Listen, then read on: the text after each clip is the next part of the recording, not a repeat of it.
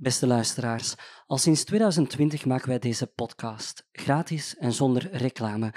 Graag willen we de mensen bedanken die ons intensieve werk hebben gesteund door ons een fooi toe te stoppen. Wilt u ons ook steunen, dan kan dit heel eenvoudig via www.fooiepot.com schuine streep geschiedenis voor herbeginners. U kunt schenken hoeveel u wil.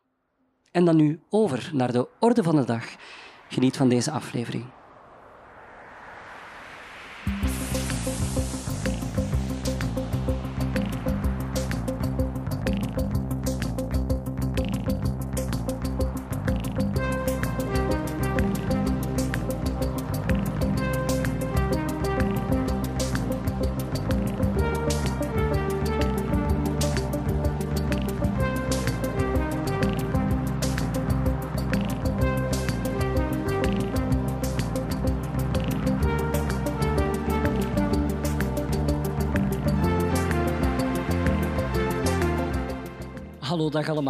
Bedankt om het zo lang met ons vol te houden tijdens de Koude Oorlog. We nemen deze aflevering op halfweg de maand juli 2020. Het coronavirus kent een lichte heropflakkering en we hebben de opdracht gekregen om op de rem te gaan staan met versoepelingen. Dus ja, het is hier nog niet gedaan. Laten we onze vlucht weer omzoeken in de geschiedenis. We hebben voor de Koude Oorlog nog heel wat in petto en vandaag kijken we naar wat die zo gevaarlijk maakte. Een wapenwedloop die de wereld nog nooit had gezien en die er een heel nucleair kruidvat van zou maken.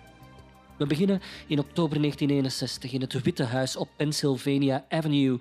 En op het bureau van president Kennedy brandt een brief, duidelijk geschreven door een kind in potlood.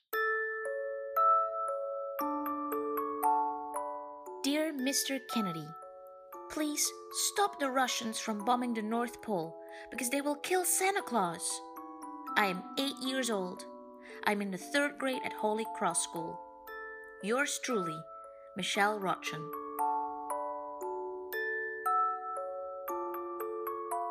In 1961 naderde de Koude Oorlog zijn heetste punt en in de VS zetten ze zich duidelijk schrap voor een kernoorlog. De Sovjet-Unie had namelijk in oktober bekendgemaakt dat ze het grootste nucleaire wapen ter wereld zouden gaan testen in het Arcticum en Michelle had haar ouders hierover horen praten aan de eettafel. Ze schreef toen die ongeruste brief op de omslag schreef ze alleen maar president Kennedy, Washington D.C. En de brief vond ze weg naar die Oval Office. Nu, communiceren met achtjarigen behoort normaal niet tot de jobomschrijving van een zittende president, maar deze brief was zo ontroerend dat Kennedy niet kon nalaten om in zijn presidentiële vulpen te kruipen.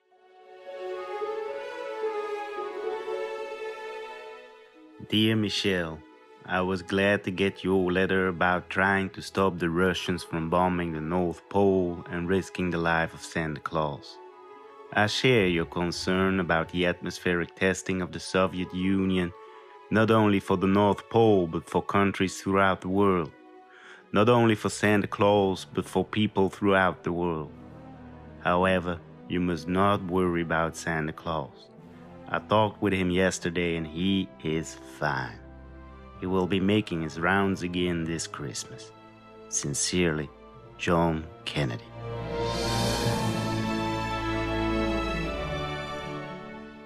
Deze briefwisseling zegt uiteraard heel veel. Ze is ontroerend. Uh, Michel werd een nationale sensatie en kreeg langs alle kanten brieven van zelfverklaarde kerstmannen.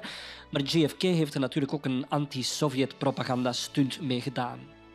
Twee dagen nadat Kennedy zijn brief schreef, detoneerden de Sovjets hun zogenoemde Tsarenbom boven de Russische archipel Nova Zembla. De bom was maar liefst een kleine 1600 keer zo krachtig als de bommen op Hiroshima en Nagasaki samen. Die twee bommen die waren plots gereduceerd tot historische protjes. De Koude Oorlog die creëerde eigenlijk een deadlock, een, een padstelling. Het schrik om niet de sterkste te zijn investeerde de twee vijandige systemen zozeer in hun wapenarsenaal dat deze arms race, wapenwedloop, resulteerde in een situatie die MAD werd genoemd. Ook wel MAD uitgesproken. En dat was een acroniem, een goed gevonden acroniem, voor Mutually Assured Destruction. Wederzijds verzekerde vernietiging. Het was dan ook niet zozeer de bedoeling om die wapens effectief te gebruiken, om die in te zetten, maar wel om ze te gebruiken als deterrence, een Pentagonwoord voor afschrikmiddel. Vooral dan vanaf president Eisenhower in de 50s omdat elke van de twee partijen vernietigend kon terugslaan, dat werd dan de Second Strike Capability genoemd, ja, nadat er eigenlijk al massaal was doodgegaan bij de First Strike, ontstond op die manier een uiterst precaire terreurbalans. Het meest gevreesd tijdens de Koude Oorlog waren de lange afstandsraketten, de Intercontinental Ballistic Missiles, of afgekort de ICBM's, met een atoomlading erop. Die konden 8000 tot zelfs 16.000 kilometer afleggen en in de jaren 80 konden die met verschillende kernkoppen worden uitgerust, die dan elk binnen de 150 meter van het doel tot ontploffing konden komen. De vernietigingskracht van de gecombineerde wapenarsenalen op het hoogtepunt van de Koude Oorlog, en dat is de vroege jaren 80, ja, die gaat het menselijk verstand eigenlijk te boven. Alle wapens samen zouden de gehele wereldbevolking ongeveer 12 keer hebben kunnen uitroeien. Een capacity to overkill eigenlijk. En ja, wat is dat eigenlijk? 12 keer de wereldbevolking uitroeien. Wat is het verschil met 11 keer of 10 keer of, of één keer? Het maakt eigenlijk allemaal geen verschil. En toch, paradoxaal genoeg, is er dankzij deze deterrence zeer lang geen grote oorlog uitgebroken. Wat gaan we doen in deze aflevering? We overlopen de wapenwetloop die sinds de Koude Oorlog aan de gang is. We gaan eigenlijk tot vandaag. Het was Einstein die in 1939 president Roosevelt waarschuwde dat de Duitsers aan het experimenteren waren met kernwapens. En hij raadde hem aan om dan als president van de Verenigde Staten niet achter te blijven.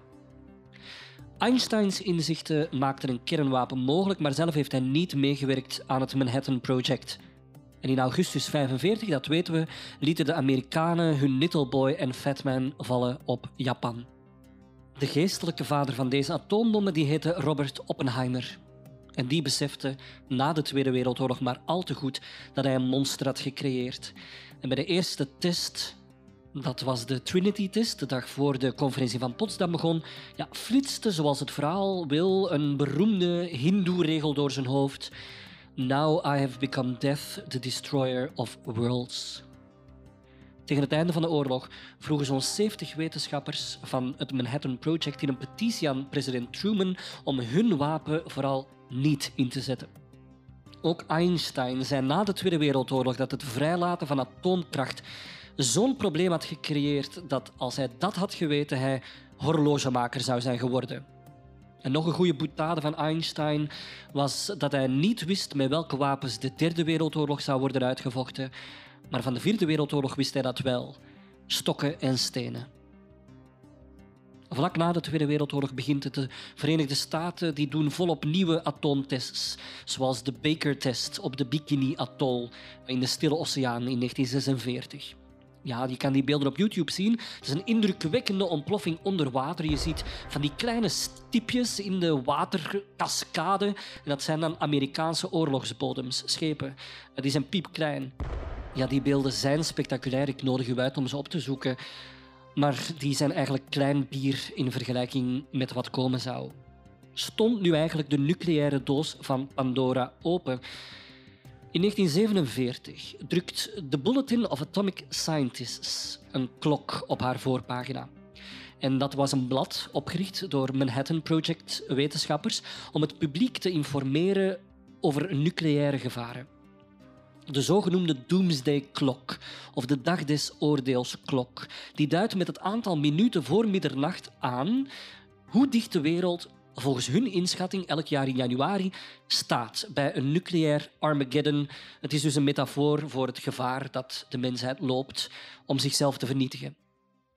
Het is eigenlijk geen echte wetenschap, maar er wordt internationaal toch gezag aan toegekend. Ik heb even aan een vriendin van mij gevraagd om als een soort van sprekende klok het uur te zeggen. Zij gaat met ons mee vandaag in onze reis door de wapenwedloop. De eerste keer wordt de klok gezet in 1947 als volgt. Het is zeven minuten voor middernacht. Hoe begint dan de echte race? Er is nog maar één speler. En dan gaan we naar Klaus Fuchs. Klaus Fuchs is een theoretisch natuurkundige en kernfysicus. En die werkte mee aan het Manhattan Project. Maar hij is ook een Sovjet-spion. Wat wil hij nu voorkomen? Dat de Amerikanen het monopolie op de atoombom zouden hebben en houden. Hij is als communist ooit gevlucht uit Nazi-Duitsland en vele communisten in die tijd die geloven dat het Westen de nazi's en de Sovjets hadden laten doen tot ze elkaar zouden afslachten. Lavrenti Beria, en dat is het hoofd van Stalins gevreesde geheime dienst, de NKVD, de voorloper van de KGB, die krijgt de opdracht om de bom na te bouwen op basis van de doorgesmokkelde gegevens van Fuchs. Heel der steden worden gebouwd en miljoenen dwangarbeiders uit de Gulag worden ingeschakeld om de bom te bouwen. En in recordtijd hebben ze er een. De Sovjets hebben hun bom vanaf 1949 en de wapenwedloop is begonnen. Het is drie minuten voor middernacht. Klaus Fuchs die krijgt gewetensbezwaar. Hij wordt ontmaskerd in de Verenigde Staten. Hij zit dan een aantal jaar gevangen als spion, als landverrader. En later migreert hij naar de DDR, waar hij aan Oost-Duitse nucleaire projecten gaat werken. De Eisenhower-jaren van de 50s zijn de gouden jaren van de babyboom. Je kent het wel, de American Dream met de gelukkige gezinnetjes, met een rijk gevulde koelkast, een gezinswagen voor iedereen, het gaat ongelooflijk goed, maar het is ook een periode van ongeziene groei van het leger en de bom die een realiteit wordt. Ook in oktober 52 doen de Britten hun eerste nucleaire test. En dat moet uiteraard, want zonder zo'n wapen kunnen de Britten zichzelf geen grootmacht meer noemen. Een maand later testen de Verenigde Staten hun allereerste waterstofbom op de Marshall-eilanden. Een H-bom. En een H-bom die kan een hele stad vernietigen. Het is er een van 10 megaton en dat is 10 miljoen ton TNT.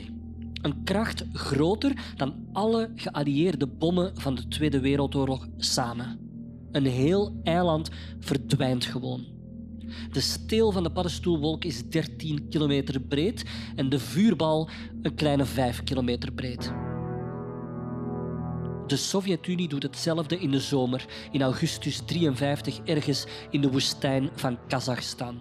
Het is er een van 400 kiloton. De Sovjets liggen nog maar 10 maanden achter in de race. En die race gaat over meer dan alleen bommen. Tijdens de Koreaanse oorlog verrast de Sovjet-Unie met een nieuw type vliegtuig, de MiG-15.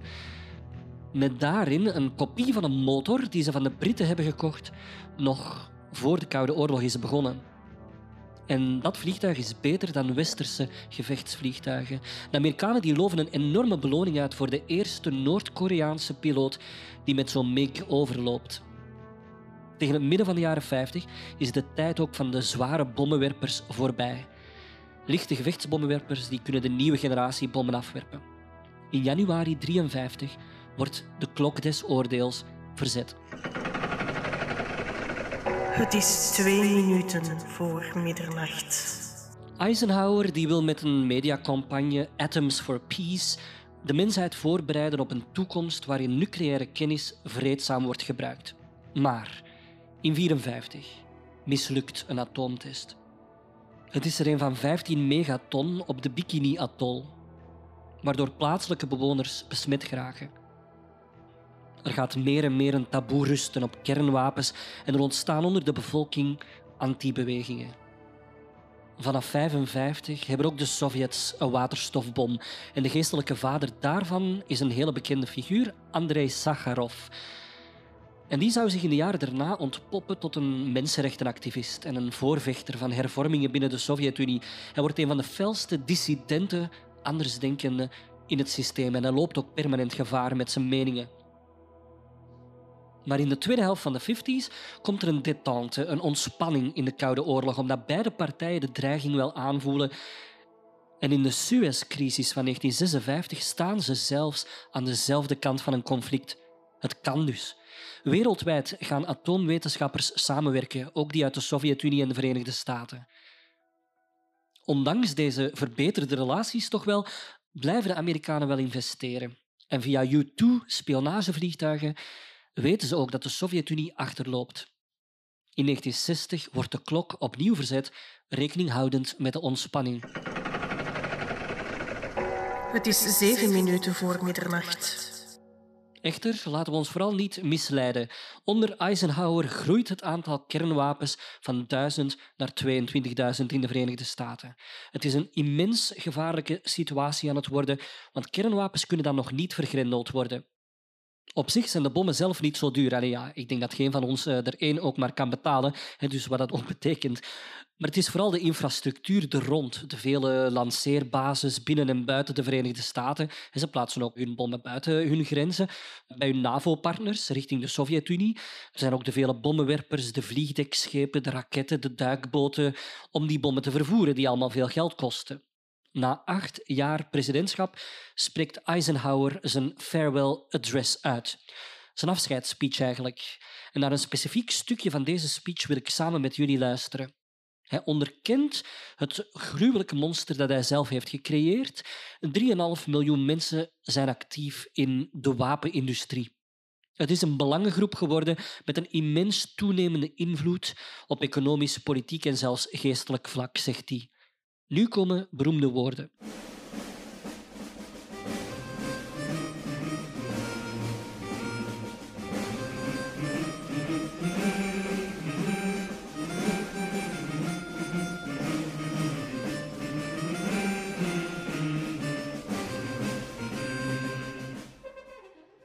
In the councils of government, we must guard against the acquisition of unwarranted influence, whether sought or unsought, by the military industrial complex. The potential for the disastrous rise of misplaced power exists and will persist. We must never let the weight of this combination endanger our liberties or democratic processes.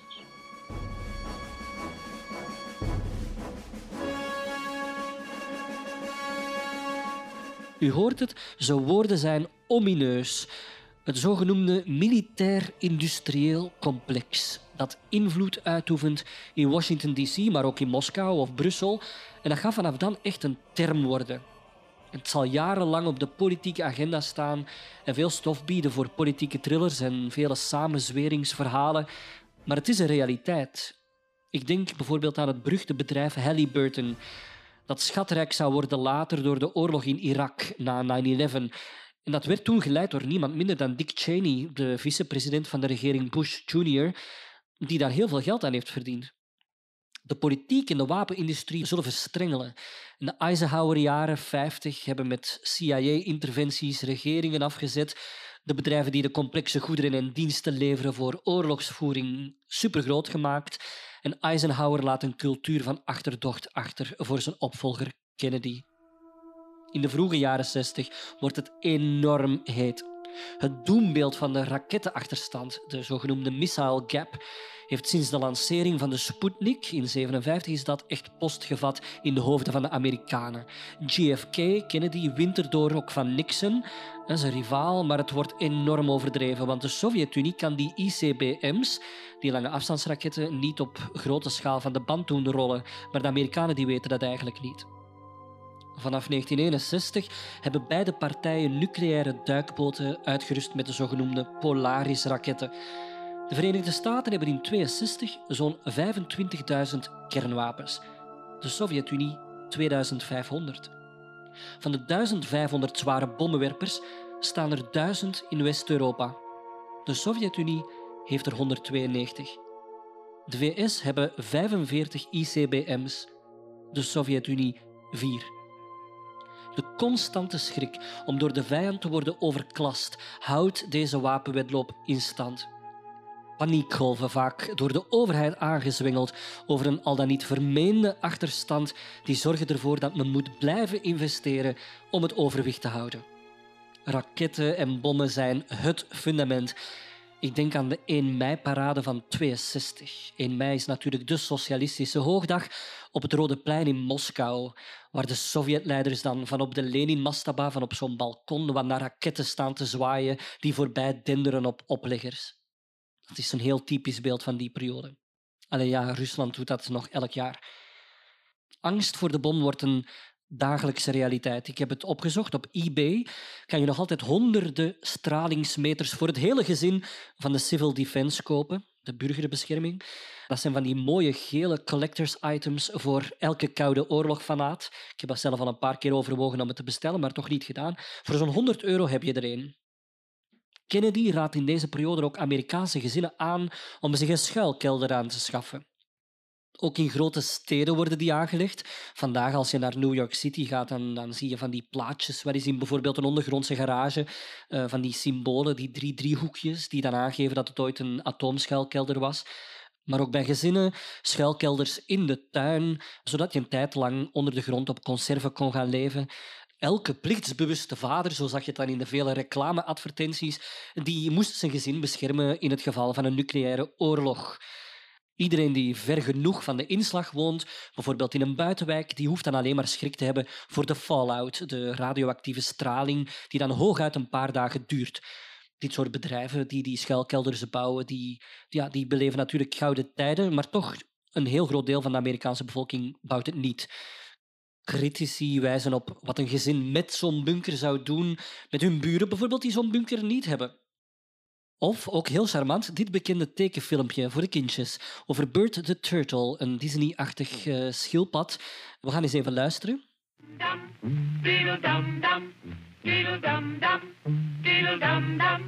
There was a turtle by the name of Bert, and the turtle was very alert. When danger threatened him, he never got hurt. He knew just what to do. He ducked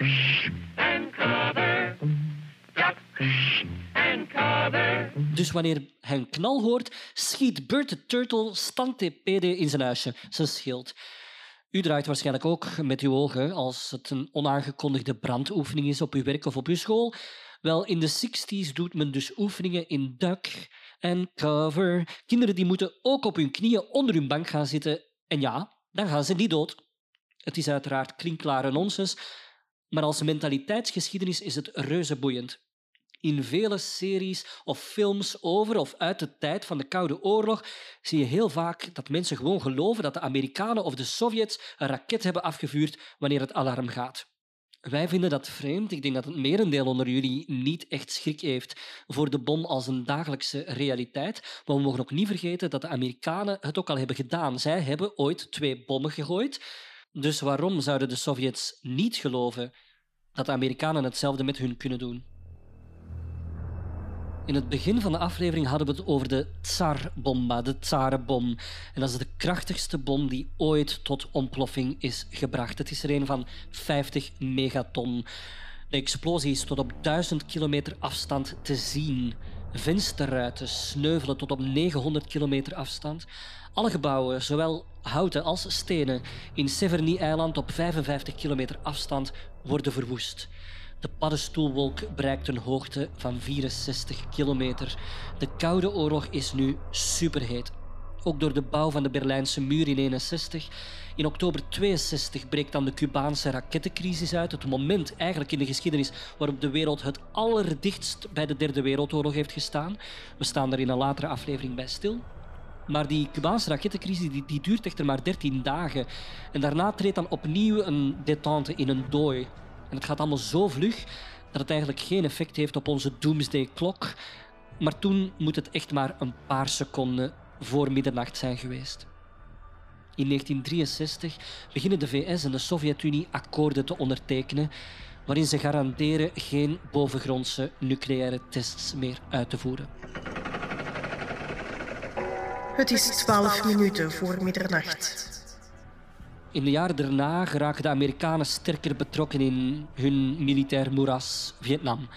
In 1968 slaat ook de Sovjet-Unie de Praagse lente neer. Dat is een hervormingsbeweging in Tsjechoslowakije. En ze doen dat met het Warschau-pact. Vergelijk het met twaalf jaar ervoor. Het is Budapest all over again.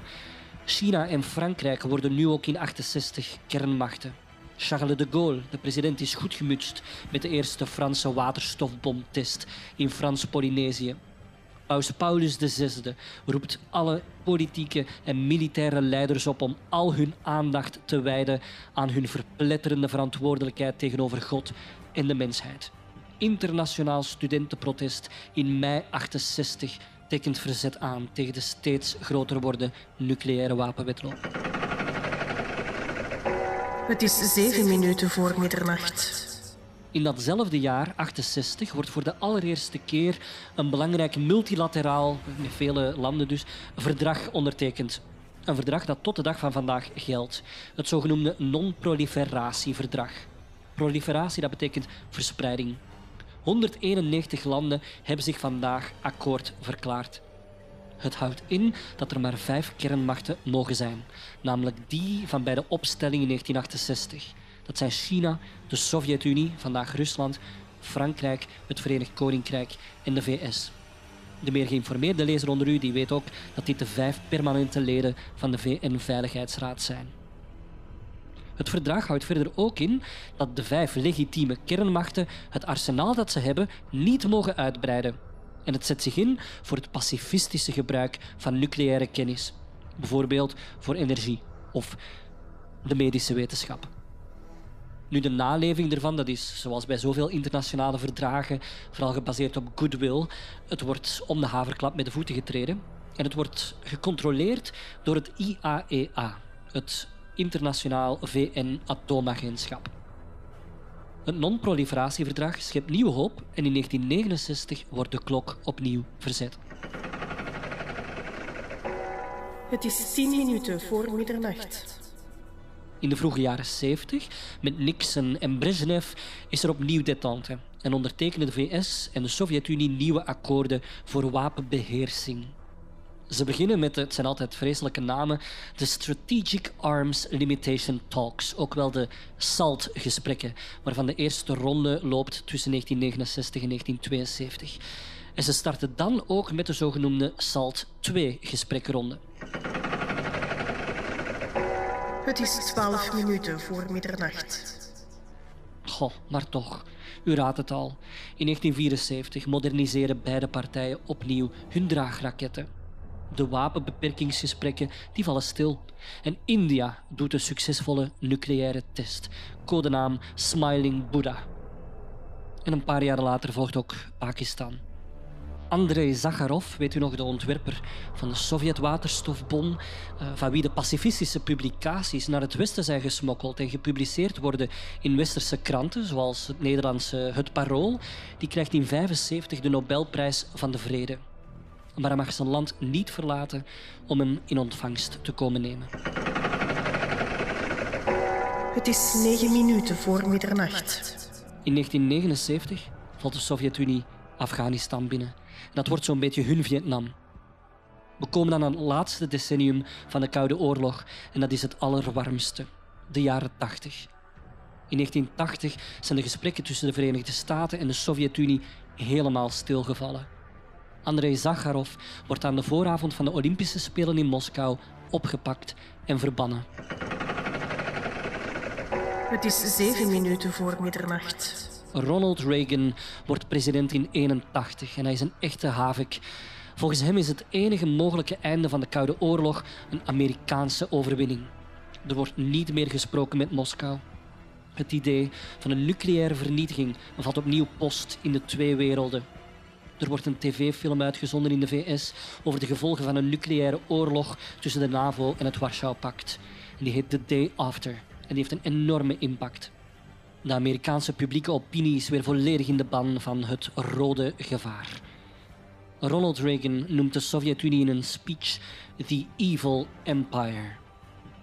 Het wordt ook meer en meer duidelijk in deze wapenwedloop dat de vijand tot de bedelstaf dwingen de meest efficiënte manier is om hem te verslaan. Wat er de facto op neerkomt dat de staat die de meeste belastingen kan heffen voor defensie de Koude Oorlog zal winnen. Reagan kondigt het peperdure en daarom nooit afgewerkte Strategic Defense Initiative aan, het SDI. En in de volksmond wordt dat Star Wars genoemd, naar de eerste trilogie die op dat moment razend populair is. En het is een raketschild in de ruimte waarbij ballistische raketten van de Sovjet-Unie buiten de dampkring vernietigd kunnen worden. Het is een ultrawapen met Death Star allures. En ja, door dat te proberen de loef af te steken, gaat de Sovjet-Unie een paar jaar later financieel kopje onder. Er wordt ook vandaag de dag meer en meer aangenomen dat het helemaal niet de bedoeling was van Reagan om dit project echt succesvol te beëindigen, maar om de Sovjet-Unie te doen geloven dat ze dat van plan waren, zodat zij ook meer uitgaven zouden doen om de Verenigde Staten bij te houden. Het is vier minuten voor middernacht. In 1984 nemen de spanningen nog meer toe. Reagan verhoogt opnieuw het defensiebudget. De oorlog in Afghanistan wordt grimmiger. De Sovjet-Unie en haar partners boycotten de Olympische Spelen van 1984 in Los Angeles als antwoord op dezelfde move van de Amerikanen in Moskou vier jaar ervoor. Het is drie minuten voor middernacht. Het einde komt in zicht. Onder Gorbachev wordt er opnieuw onderhandeld. Zijn hervormingen, de perestroika, die zorgen ervoor dat Andrei Zakharov mag terugkomen naar Moskou. Het belangrijkste bilaterale, dus tussen twee partijen, verdrag tussen de Sovjet-Unie en de Verenigde Staten is het INF-verdrag, het Intermediate Range Nuclear Forces Verdrag, ondertekend door Gorbachev en Reagan in 1987. Het verbiedt beide wereldmachten om nucleaire en conventionele raketten en kruisraketten met een bereik van 500 tot 5500 kilometer te produceren. Het is een heel belangrijk verdrag. De bestaande raketten die moeten ook tegen 1 juni 1991 vernietigd zijn. En beide landen komen in hetzelfde verdrag overeen dat ze elkaars militaire installaties mogen inspecteren. Sinds 1988 reikt het Europees Parlement jaarlijks de Zakharovprijs voor de vrijheid van denken uit. Zakharov zelf is dan intussen een politicus, maar hij overlijdt in 1989. Vanaf 1991 zijn er dan ook de belangrijke Strategic Arms Reduction Treaties, afgekort START-akkoorden. De Sovjet-Unie valt echter uit elkaar in 1991. De Koude Oorlog is voorbij en de wereld haalt opgelucht adem. Het is 17 minuten voor middernacht. Dat zijn maar liefst 14 minuten. Hè? In 1993 beginnen dan de tweede startgesprekken met Rusland. De toekomst ziet er echt goed uit. Maar ik mag hier niet ophouden. De jaren daarna is de doomsday-klok telkens dichter bij de 12 gezet terug. Militaire uitgaven zijn namelijk niet afgenomen. In 1998 deden India en Pakistan opnieuw proeven met kernwapens, wat het conflict daar sindsdien op scherp heeft gesteld. Dat is echt een grens in de wereld die we in het oog moeten houden. In de nasleep van 9-11 2001 groeide de vrees ook voor de ongebreidelde proliferatie van nucleair materiaal wereldwijd. En niet onterecht, want in 2006 testte Noord-Korea zijn eerste nucleaire wapen. En een jaar later bereikte de vrees rond de ambities van Iran een hoogtepunt.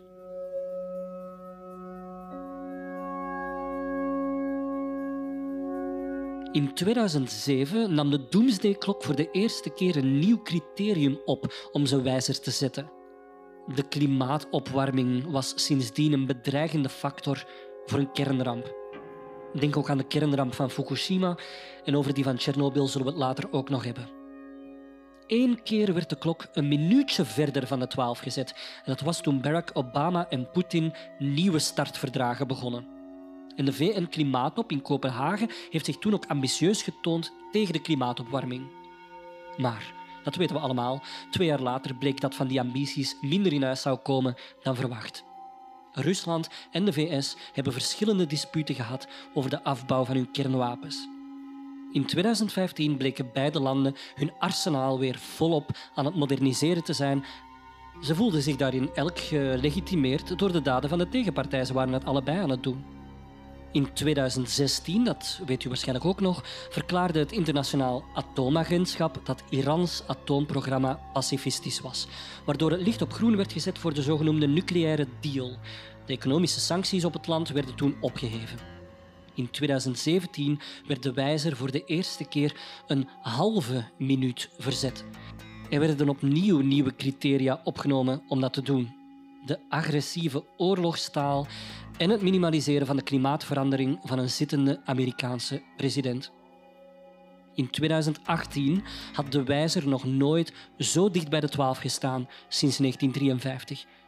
Twee minuten voor 12. Dit door de nog lagere ambities om af te stappen van fossiele brandstoffen door de Verenigde Staten, gecombineerd ook met het terugtrekken van de regering Trump uit de nucleaire deal met Iran en uit het belangrijke INF-akkoord met Rusland. Want op 1 februari 2019 schortte president Donald Trump de uitvoering van de Amerikaanse verdragsverplichtingen op wegens vermeende schendingen, zo zei hij, door Rusland. Een dag later werd ook door Rusland het verdrag opgeschort. Voor de eerste keer werd toen ook de dreiging van een cyberoorlog toegevoegd als criterium om de wijzers te verzetten. En de spanningen met Iran zijn opnieuw opgeleid, net als de klimaatbedreiging. Eigenlijk is hier toch een enorme paradox. Ik vertelde jullie dat tijdens de Koude Oorlog de vrees voor de bom echt werd gevoeld door de mensen. Vandaag voelen we dat eigenlijk niet meer zo. Denk eens, ben u zelf eigenlijk bang voor een kernramp? Ik denk dat we dat vandaag niet meer zo voelen. Maar ik moet echt wel zeggen dat de klok voor de eerste keer in de geschiedenis nu werkt met seconden. Momenteel, sinds januari 2020, zegt de Doomsday-klok het volgende. Het is 1 minuut en 40 seconden voor middernacht. Met andere woorden, volgens de wetenschappers, de atoomwetenschappers, is de situatie nog nooit zo gevaarlijk geweest als vandaag. Het aantal kernwapens is afgenomen, dat moeten we toegeven. In de late jaren 60 hadden de Amerikanen er nog zo'n 31.000. Maar in de jaren 80, voor de gesprekken met Gorbachev, hadden de Sovjets er 40.000. Zij hebben ooit de meeste kernwapens op hetzelfde ogenblik bezeten. De laatste jaren zijn ze allebei hun arsenalen ook opnieuw aan het uitbreiden. Vandaag hebben de Amerikanen zo'n 5800 springkoppen, waarvan een aantal ook op Belgische bodem. Dat is bekend. Ik durf niet zo goed te zeggen waar, uit schrik voor repercussies, maar het is een publiek geheim. De Russen hebben er een kleine 6400, nog altijd meer dan de Amerikanen. De Britten 215, de Fransen 290 en China 320. En ook sommige landen hebben het non-proliferatieverdrag van 1968 nooit ondertekend, waarmee ze eigenlijk kenbaar maakten dat ze nucleaire wapens ambieerden. India zou er nu 150 hebben en ervijand Pakistan 160. Van Noord-Korea, dat zich in 2003 uit het verdrag terugtrok, wordt geschat dat ze er tussen de 30 en de 40 hebben en ook Israël heeft kernwapens, 90 naar verluid. Er zijn vandaag dus negen kernmachten op de wereld. Zuid-Soedan heeft het non-proliferatieverdrag nooit ondertekend, maar ervan gaan we uit dat het geen kernwapens bezit. En moeten wij nu vandaag bang zijn voor een land als Noord-Korea? Het is een kernmacht sinds 2006 en in 2017 lanceerde het ook zijn allereerste ICBM, een drietrapsraket dus. En het kan zijn bom nu ook afschieten met een bereik van bijvoorbeeld Alaska. Op voorwaarde natuurlijk dat het die bom ook op die raket krijgt. Dat wordt vandaag nog betwijfeld. De Kim-dynastie laat zijn spierballen zien. Het wil niet dat hetzelfde gebed hun gebeurt als bijvoorbeeld met Saddam Hussein in Irak. Die werd ook verdacht eh, van massavernietigingswapens. Of Gaddafi in Libië, die zijn kernwapenprogramma had stopgezet, maar dan later met Amerikaanse steun is gedood door rebellen. Voorlopig kan Noord-Korea enkel dreigementen uiten aan het adres van Zuid-Korea en Japan. Dat zijn Amerikaanse bondgenoten en er zijn ook op die grondgebied Amerikaanse soldaten aanwezig. Maar de Verenigde Staten zelf bereiken dat is nog niet voor vandaag. De Amerikanen die moeten om safe te zijn best diplomatieke druk uitoefenen op China, want dat is toch zo'n beetje het infuus van Noord-Korea. Maar Donald Trump en Xi Jinping die zijn vandaag toch wel, ja, laten we zeggen, gebrouilleerd. Het mogen duidelijk zijn, Donald Trump is voor de aflevering van vandaag een belangrijke censuur. En ook aan het begin van de 21ste eeuw waren de Verenigde Staten het zwaarst bewapende land op aarde met bijna 300 miljoen vuurwapens. Maar ook nationaal hun grenzen. Hoe meer angst voor de vijand, hoe meer Amerikaans belastinggeld kan worden opgehoest voor defensie. Die trend zien we dus eigenlijk al sinds de Koude Oorlog.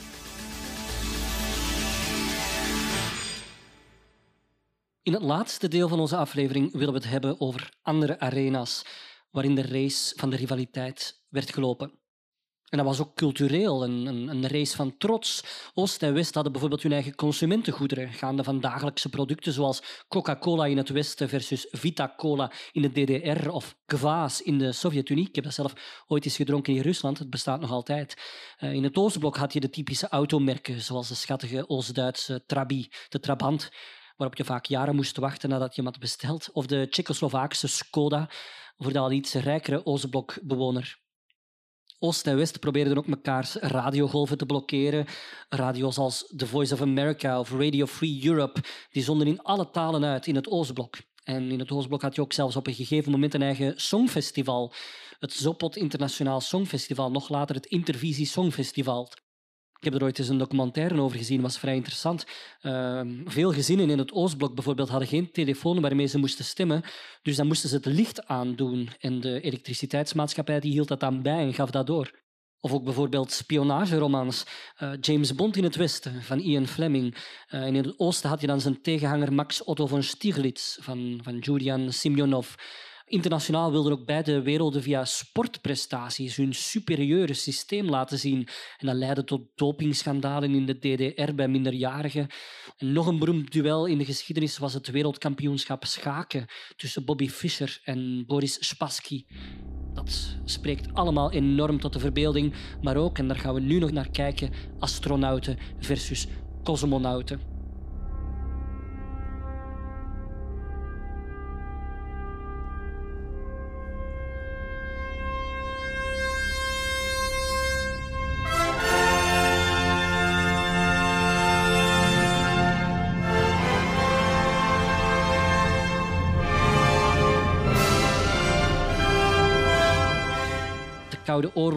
Luiden ook het ruimtetijdperk in.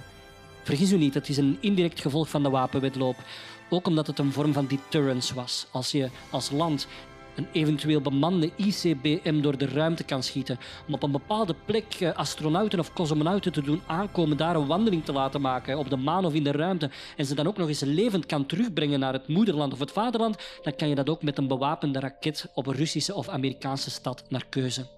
De Sovjet-Unie lanceerde het ruimtetijdperk met een voorsprong, met de allereerste satelliet in een baan rond de aarde, de Sputnik, in 1957. Dat was een aluminiumbal, nauwelijks groter dan een basketbal. En die was s'nachts zichtbaar en de uitgezonden piepjes die waren voor elke radioamateur hoorbaar. Blinde paniek in de Verenigde Staten, hè, waar ze dachten dat de Sovjet-Unie wel een groot leger met tanks op de been kon houden, maar dat dat niet geavanceerd was voor dit soort van acties. De Sovjets konden nu bommen laten regenen op de Verenigde Staten vanuit de ruimte, zoals kindjes die steentjes gooien naar auto's van op een brug. En op Expo 58 hebben de Sovjets er in hun paviljoen het er is goed ingevreven met een replica van de bal die vanuit de ruimte de NAVO al biepend had uitgelachen. De eerste Amerikaanse pogingen om zelf een kunstmaan te lanceren, die flopten doordat raket na raket ontplofte tijdens de lancering. En de Sovjets die schoten een maand na de Sputnik een hond de ruimte in, Laika. Een jaar na de Sputnik richtten de Amerikanen dan NASA op, de National Aeronautics Space Agency. Ze namen in 1959 de eerste foto van de aarde vanuit de ruimte, maar dan verhoogden de Russen de inzet. De eerste bemande ruimtereis kon de Sovjet-Unie ook op haar naam schrijven met de cosmonaut Yuri Gagarin in 1961. De Amerikanen deden dan hetzelfde met Alan Shepard, maar dan schoten de Sovjets de eerste vrouw de ruimte in en werd de eerste ruimtewandeling gedaan. De Amerikanen die liepen hopeloos achter. In 1962 beloofde president Kennedy dat de Amerikanen de race naar de maan zouden winnen, wat het land dan ook deed in 1969 met de maanlanding en maanwandeling van astronauten Neil Armstrong en Buzz Aldrin. Het derde lid van de Apollo 11-missie zou de, jammer genoeg, immer vergeten Michael Collins zijn. Hij mocht niet meer landen op de maan. Een wrang weetje over de NASA wil ik u toch nog meegeven. Die werd geleid door Werner von Braun. Dat is een oude nazi, een oud SS'er, die nog de V-2-raketten had gebouwd voor Hitler. Die de rest van de wereld zo hebben geterroriseerd. Gevangenen uit concentratiekampen die hebben toen gewerkt als slaven aan zijraketten die geschoten werden lukraak op onder andere Antwerpen. Denk maar aan de Cinema Rex. Maar voor de VS heiligden het doel de middelen. Veel nazi-wetenschappers en oorlogsmisdadigers die konden nu worden ingezet in een nieuwe oorlog, de Koude Oorlog, in ruil voor amnestie. En voor hun was de vijand toch dezelfde. Dan moet toch wat geweest zijn dat ruimtetijdperk. Als ik zoiets zag in films, vroeger, dan wilde ik daar altijd bij zijn. Ik denk dat dat echt de mensen het gevoel moet hebben gegeven dat de Europeanen ook hadden toen ze de wereld aan het rondreizen waren in de 16e eeuw. 500 miljoen mensen die keken toen naar hoe een Amerikaanse astronaut op het maanoppervlak stapte. Waaronder ook drie van onze luisteraars. We sluiten onze aflevering graag af met een montage van hun herinneringen. We luisteren naar Greet, Karel en Peter.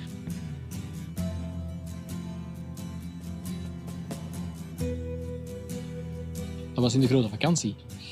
Dat was ook de Ronde van Frankrijk en onze Wim was nogal bezig met de, grote, met de Ronde van Frankrijk. Dus mijn kamer stond vol met uh, plastic schaalmodellen van ruimtetuigen. En onze Wim zijn kamer die ging vol met posters van die Merks en Joop Zoetemelk en Anke en van die dingen. en die ging dan met zijn maten gingen die dan blokje rondrijden. Hè, want die speelden dan de, de etappen na van die dag in het bladje van de Scouts, ik was bij de Scouts, um, stond er op een bepaald moment een item over de astronauten van Apollo 8. En Apollo 8 was, was de eerste vlucht die achter de maan is doorgevlogen. En waren drie, die waren al drie bij de Scouts geweest. Dat sprak wel tot de verbeelding. En daarom stond dat natuurlijk ook in het bladje van de Scouts. Maar... 1969, het jaar na 1968 met zijn studentenrevoltes in mei. Voor mij persoonlijk toch een beetje een bijzonder jaar. Geboren op 5 juni 1951 werd ik in 69 18 jaar. De leeftijd waarop zelf autorijden een feit kon worden. Als rechtgeaard student had men bijna de morele verplichting om met een Citroën 2 PK rond te rijden. Om aan die verplichting te kunnen voldoen moesten de nodige financiële middelen vergaard worden en dat kon met een studentenjob.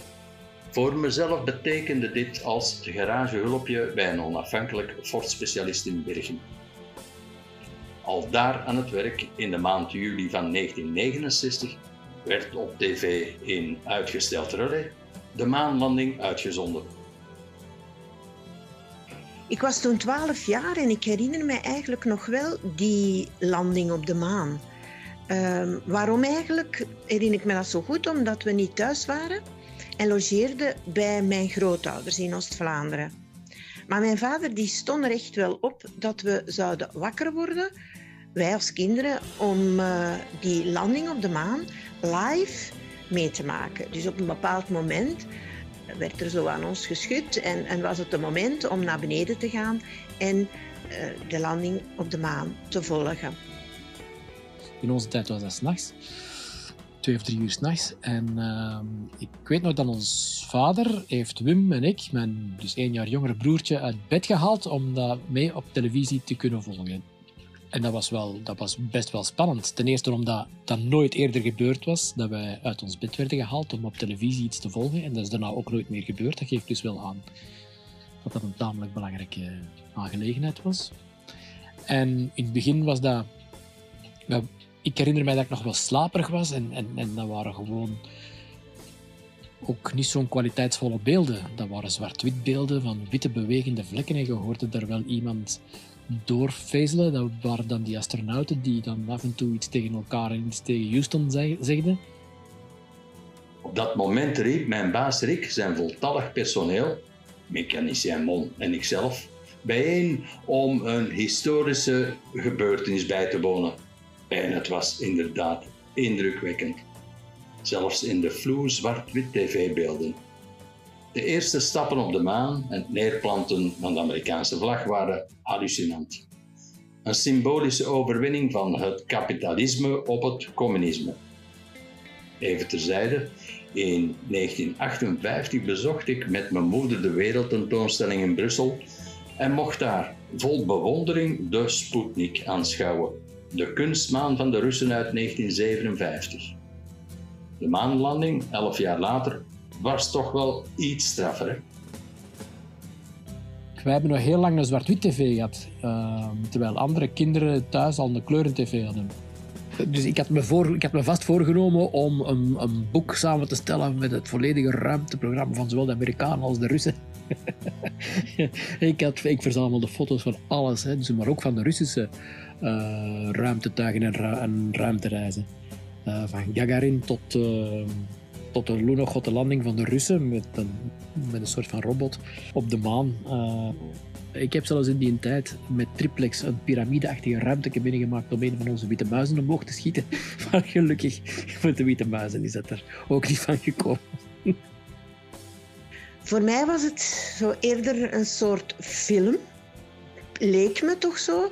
Een beetje die grijze beelden, want we hadden nog geen kleurentelevisie natuurlijk. Maar ja, het was toch wel heel speciaal. En die laatste stap van die astronaut, die op de maan, voor hij op de maan sprong, duurde voor mij onwezenlijk lang. Maar wij speelden dat ook na beneden in de kelder. Met mijn broers en zussen. Ja, ja met ons, hè. dus we hadden in de, in de waskelder, in de wastobbe, hadden we een ruimtecabine gemaakt met een kap over. en dan aan een klein tafeltje met twee koptelefoons van de Tweede Wereldoorlog speelden we Houston Control. en dan stuurden we elkaar om beurten naar de maan. Oké. Ja. En ik weet nog dat toen als onze Karel, de jongste, aan de beurt was om naar de maan te gaan, als hij terugkwam, dat hij vergeten was, manmonsters, zijn manmonsters was vergeten. En hij stapt uit zijn ruimtecabine en ik wacht, ik zal ze even vangen. En voilà, dat wordt, daar wordt nog altijd mee gelachen. Er werd wel gejuicht toen dat gebeurde. Dat herinner ik mij nog. Mijn vader was heel enthousiast. Mijn grootvader daarentegen, die ook aan het kijken was, een krasse zeventiger op dat moment, die was... Uh, heel sceptisch en geloofde het helemaal niet. Hij zei dat is iets dat op tv uh, gemonteerd is, dat is in scène gezet. Dit kan niet. Ze kunnen niet wandelen op de maan. Ja, die man had natuurlijk in zijn leven al zoveel evoluties gezien, maar dit kon er echt niet bij. Het was opgenomen volgens hem en dit zorgde echt wel voor pittige discussies in de familie. Nu, de dag daarna uh, werd er nog, de dagen daarna zelfs, werd er nog wel serieus over gedebatteerd, maar ook over gepraat. En wij vonden het alleszins een heel, heel speciaal gebeuren. Pittige detail. Een Weinigems dorpsgenoot, de artiest Paul van Hooydonk, mocht zijn kunstwerk vol een astronaut op de maan laten plaatsen.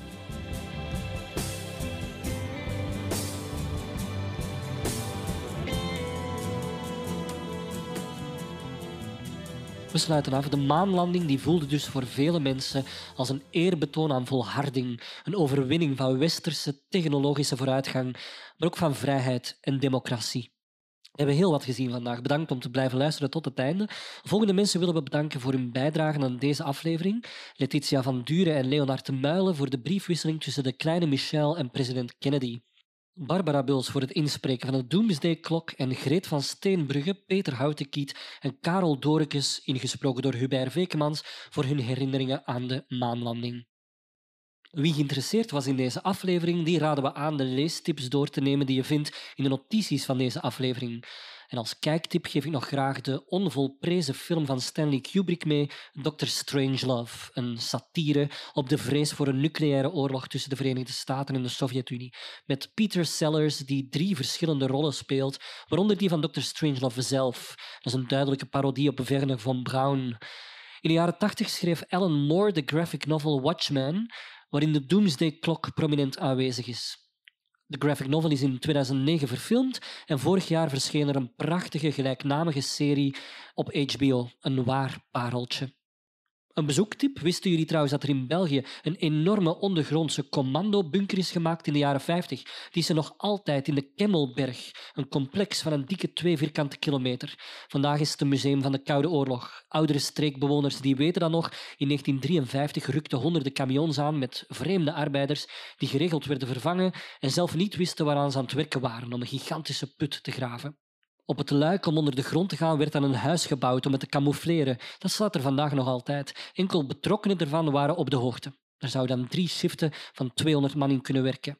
De bunker was bedoeld als commandopost van de NAVO, als zenuwknooppunt voor de Benelux, maar toen hij klaar was, was hij eigenlijk al achterhaald. Hij is niet bestand tegen nucleaire, biologische of chemische wapens en werd tot de jaren 90 gebruikt door het Belgische leger, onder andere voor legeroefeningen Afsluiten doen we vandaag met 99 Luftballons, een West-Duitse hit uit 83 van Nena over een wereld waarin 99 ballonnen worden gelost, waarop regeringen wereldwijd gevechtsvliegtuigen sturen om ze te onderscheppen en zo een nucleaire ramp wordt veroorzaakt. Hopelijk tot volgende keer, levend en wel. Lied